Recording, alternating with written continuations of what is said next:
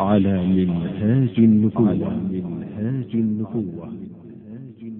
عن عائشة رضي الله عنها قالت ثقل النبي صلى الله عليه وسلم فقال أصلى الناس؟ قلنا لا. هم ينتظرونك يا رسول الله. قال ضعوا لي ماء في المخضب. ففعلنا. فاغتسل ثم ذهب لينوء فأغمي عليه. ثم أفاق فقال أصلى الناس؟ قلنا لا وهم ينتظرونك يا رسول الله. فقال ضعوا لي ماء في المخضب. ففعلنا فاغتسل ثم ذهب لينوء فأغمي عليه. ثم أفاق فقال أصلى الناس؟ قلنا لا وهم ينتظرونك يا رسول الله. فأرسل رسول الله صلى الله عليه وسلم إلى أبي بكر أن يصلي بالناس فأتاه الرسول فقال إن رسول الله صلى الله عليه وسلم يأمرك أن تصلي بالناس. فقال أبو بكر وكان رجلا رقيقا يا عمر صل بالناس. فقال عمر أنت أحق بذلك. قالت فصلى بهم أبو بكر تلك الأيام. بسم الله الرحمن الرحيم. إن الحمد لله نحمده ونستعينه ونستغفره ونتوب إليه. ونعوذ بالله من شرور أنفسنا وسيئات أعمالنا. من يهده الله فلا مضل له ومن يضلل فلا هادي له. وأشهد أن لا إله إلا الله وحده لا شريك له. وأشهد أن محمدا عبده ورسوله صلى الله عليه وعلى آله وصحبه وسلم تسليما كثيرا. أما بعد إخوة الكرام أيها الأخوة المشاهدون سلام الله عليكم ورحمته وبركاته. هذا الحديث الذي استمعتم إلى نصه في مرض النبي صلى الله عليه وسلم فيه من التوجيهات ومن الأحكام الشيء الكثير. نجد فيه هذا التعامل وهذا الخلق وهذا التفاني وهذا الإيثار كل ذلك في ذلك المجتمع العظيم مجتمع الصحابة الذين تربوا على يدي محمد صلى الله عليه وسلم. نجد من سمات هذا الحديث اليسر والتيسير وهذه شريعة الإسلام. إنما بعثتم ميسرين. ويجب وبخاصة في هذه الأزمنة أن نبث بين الناس يسر هذه الشريعة وأنها شريعة مبنية على التيسير والسماحة والعدل والأحاديث وقبل ذلك الآيات متضافرة والأحاديث القولية والعملية يصعب أن تحصر في مثل هذه العجالة. يريد الله بكم اليسر ولا يريد بكم العسر.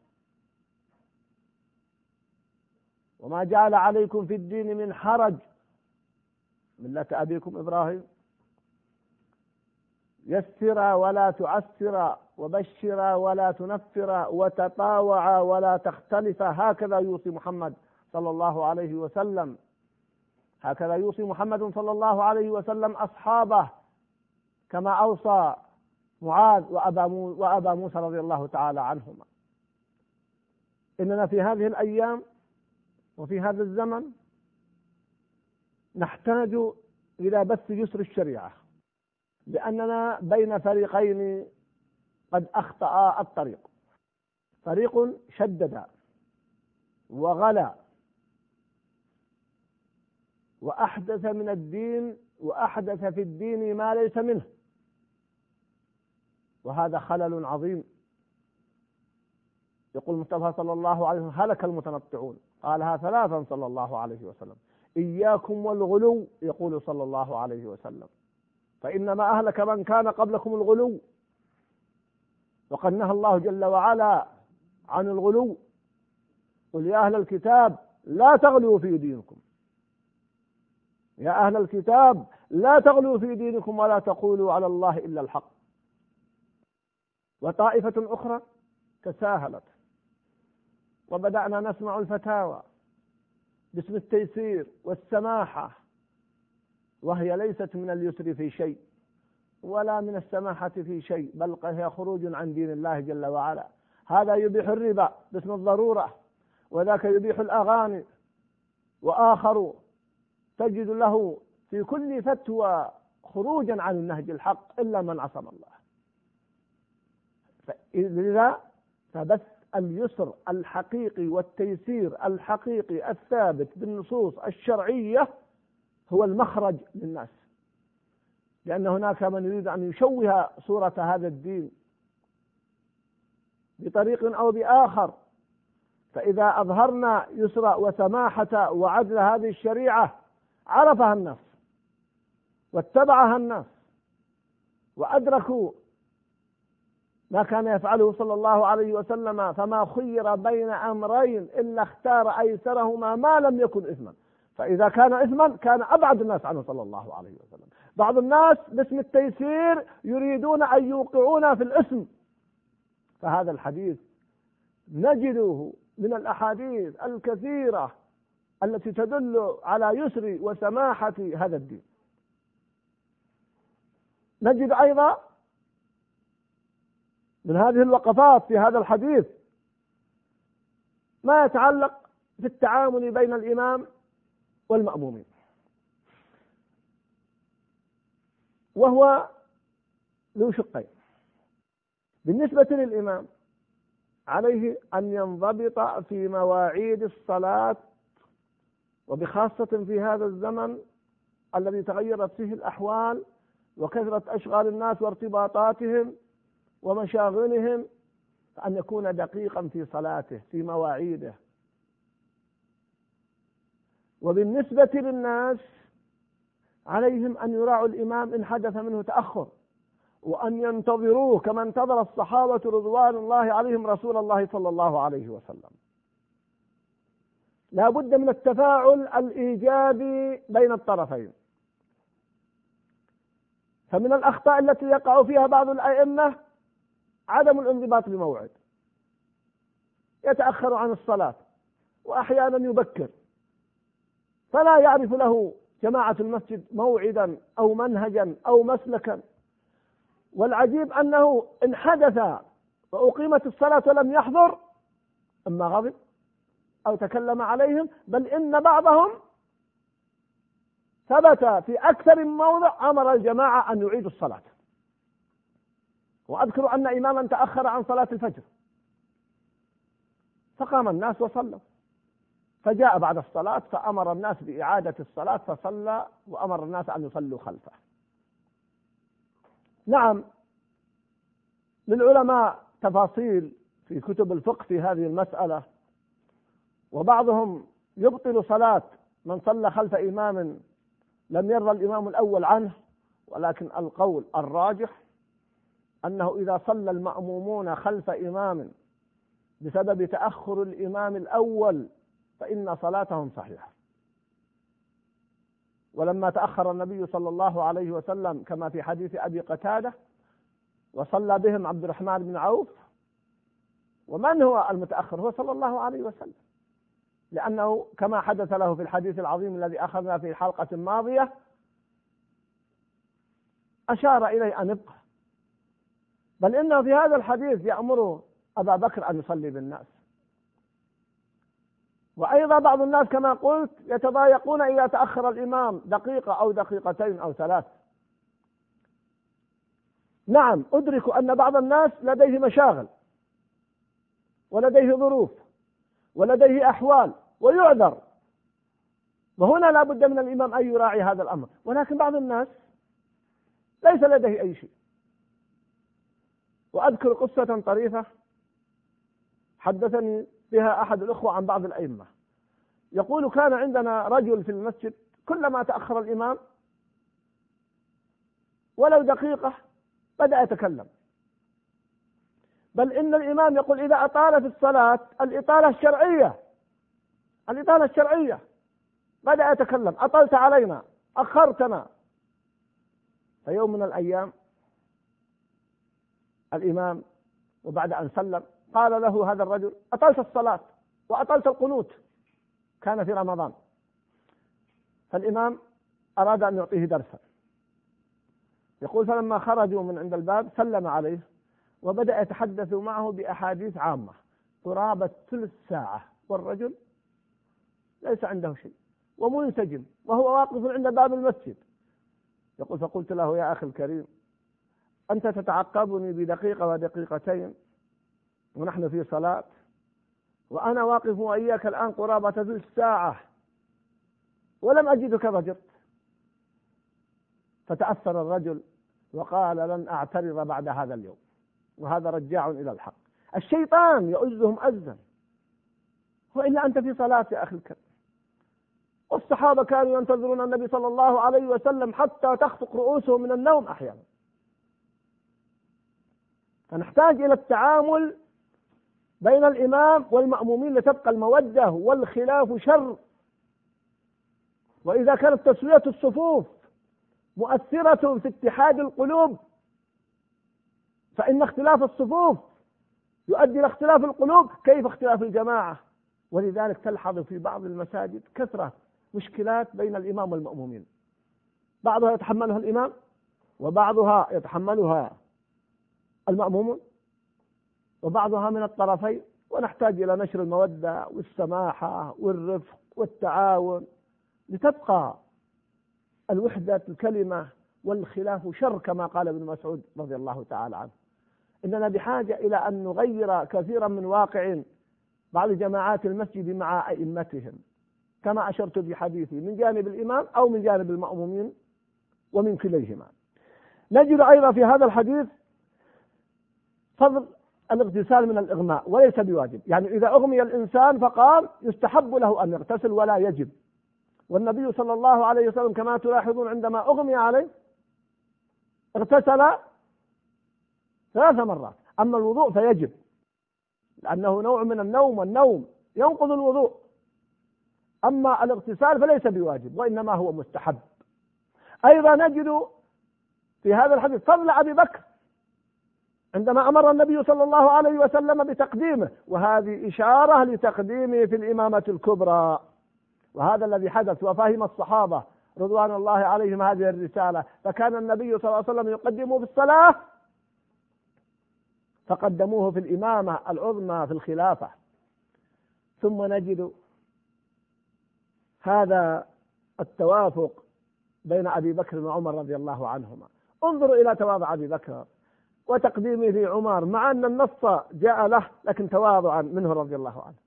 ثم انظروا إلى عمر يعترف بالفضل لأهله ويقول لا أنت صلي بالنص. هكذا يجب أن يكون بين الإخوة. الإيثار هذا يقدم هذا وهذا يعيد الفضل لأهله وبهذا تصفو القلوب وتصطلح وتعيش الأمة. وهكذا بقي هذان الصحابيان. حتى انتهت وانتقل أبو بكر رضي الله عنه إلى ربه. وئام ووفاق ومحبة وإيثاق وتعاون وتشاور. الأحاديث ثابتة في هذا الأمر وهما أفضل هذه الأمة بعد رسول الله صلى الله عليه وسلم. أبو بكر وعمر فيهما من الأحاديث والفضل والذي ينظر إلى مثل هذا ما حدث في هذا الحديث يبين لنا لماذا وصلوا وكيف وصلوا إلى هذه المنزلة العالية. من هذه الأحاديث العظيمة. فجاز الثناء بالوجه إذا أمنت الفتنة. جواز الثناء بالوجه إذا أمنت الفتنة وقد تكرر هذا معي في أكثر من حلقة والاعتدال فيه هو الصحيح. لا إفراط ولا تفريط. الثناء الكاذب لا يجوز. أو إذا خيف من الثناء على المثنى عليه الممدوح فتنة فلا يجوز. وأيضا هضم الناس حقوقهم بعض الناس لا يريد أن يمدح. ولا يريد أن يثني. هذا الحقيقة هضم للناس وهضم لحقوقهم. والثناء في الكتاب والسنة. وفعله النبي صلى الله عليه وسلم. وفعله الصحابة. واشترط العلماء في ذلك أن يكون حقا وأن تؤمن الفتنة. أيضا من الأحكام جواز الصلاة. صلاة الإمام جالسا إذا كان الإمام الراتب. والسنة أن يجلس المأمومون.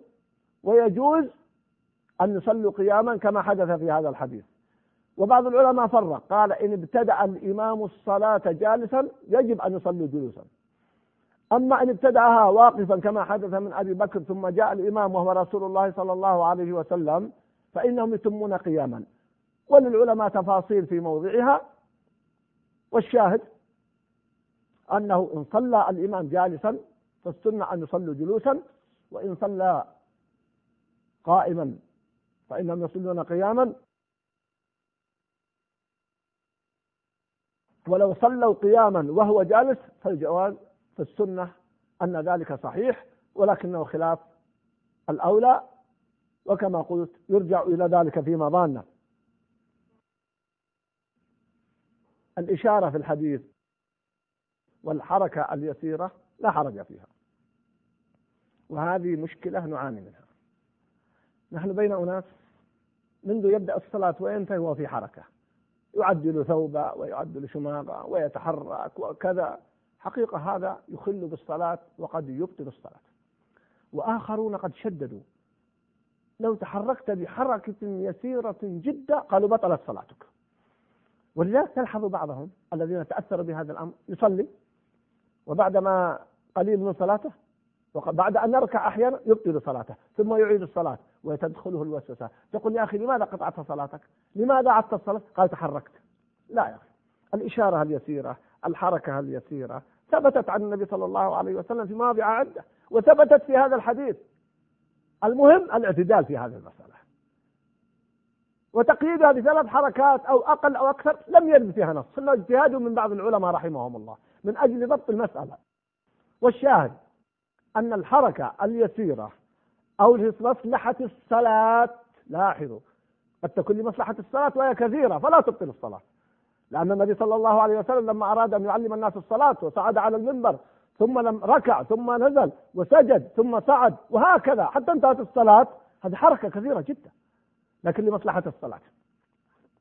فإذا كانت الحركة لمصلحة الصلاة فلا حرج. أما إذا كانت الصلاة الحركة ليست لمصلحة الصلاة فإن كانت يسيرة فلا تؤثر. وإن كانت كثيرة فإنها القول الراجح أنها تؤثر في الصلاة وتبطلها. والعرف هو الضابط في ذلك. لا نستطيع أن نحدد بحركة أو حركتين وإن كان بعض العلماء كما قلت حددها بثلاث حركات. أيضا نجد من هذه الأحاديث تعلق النبي صلى الله عليه وسلم بالصلاة. وحبه للصلاة وهذا أمر مشاهد حتى في إلى آخر لحظة من حياته. الصلاة الصلاة وما ملكت أيمانكم. وأبونا إسماعيل كان يأمر أهله بالصلاة.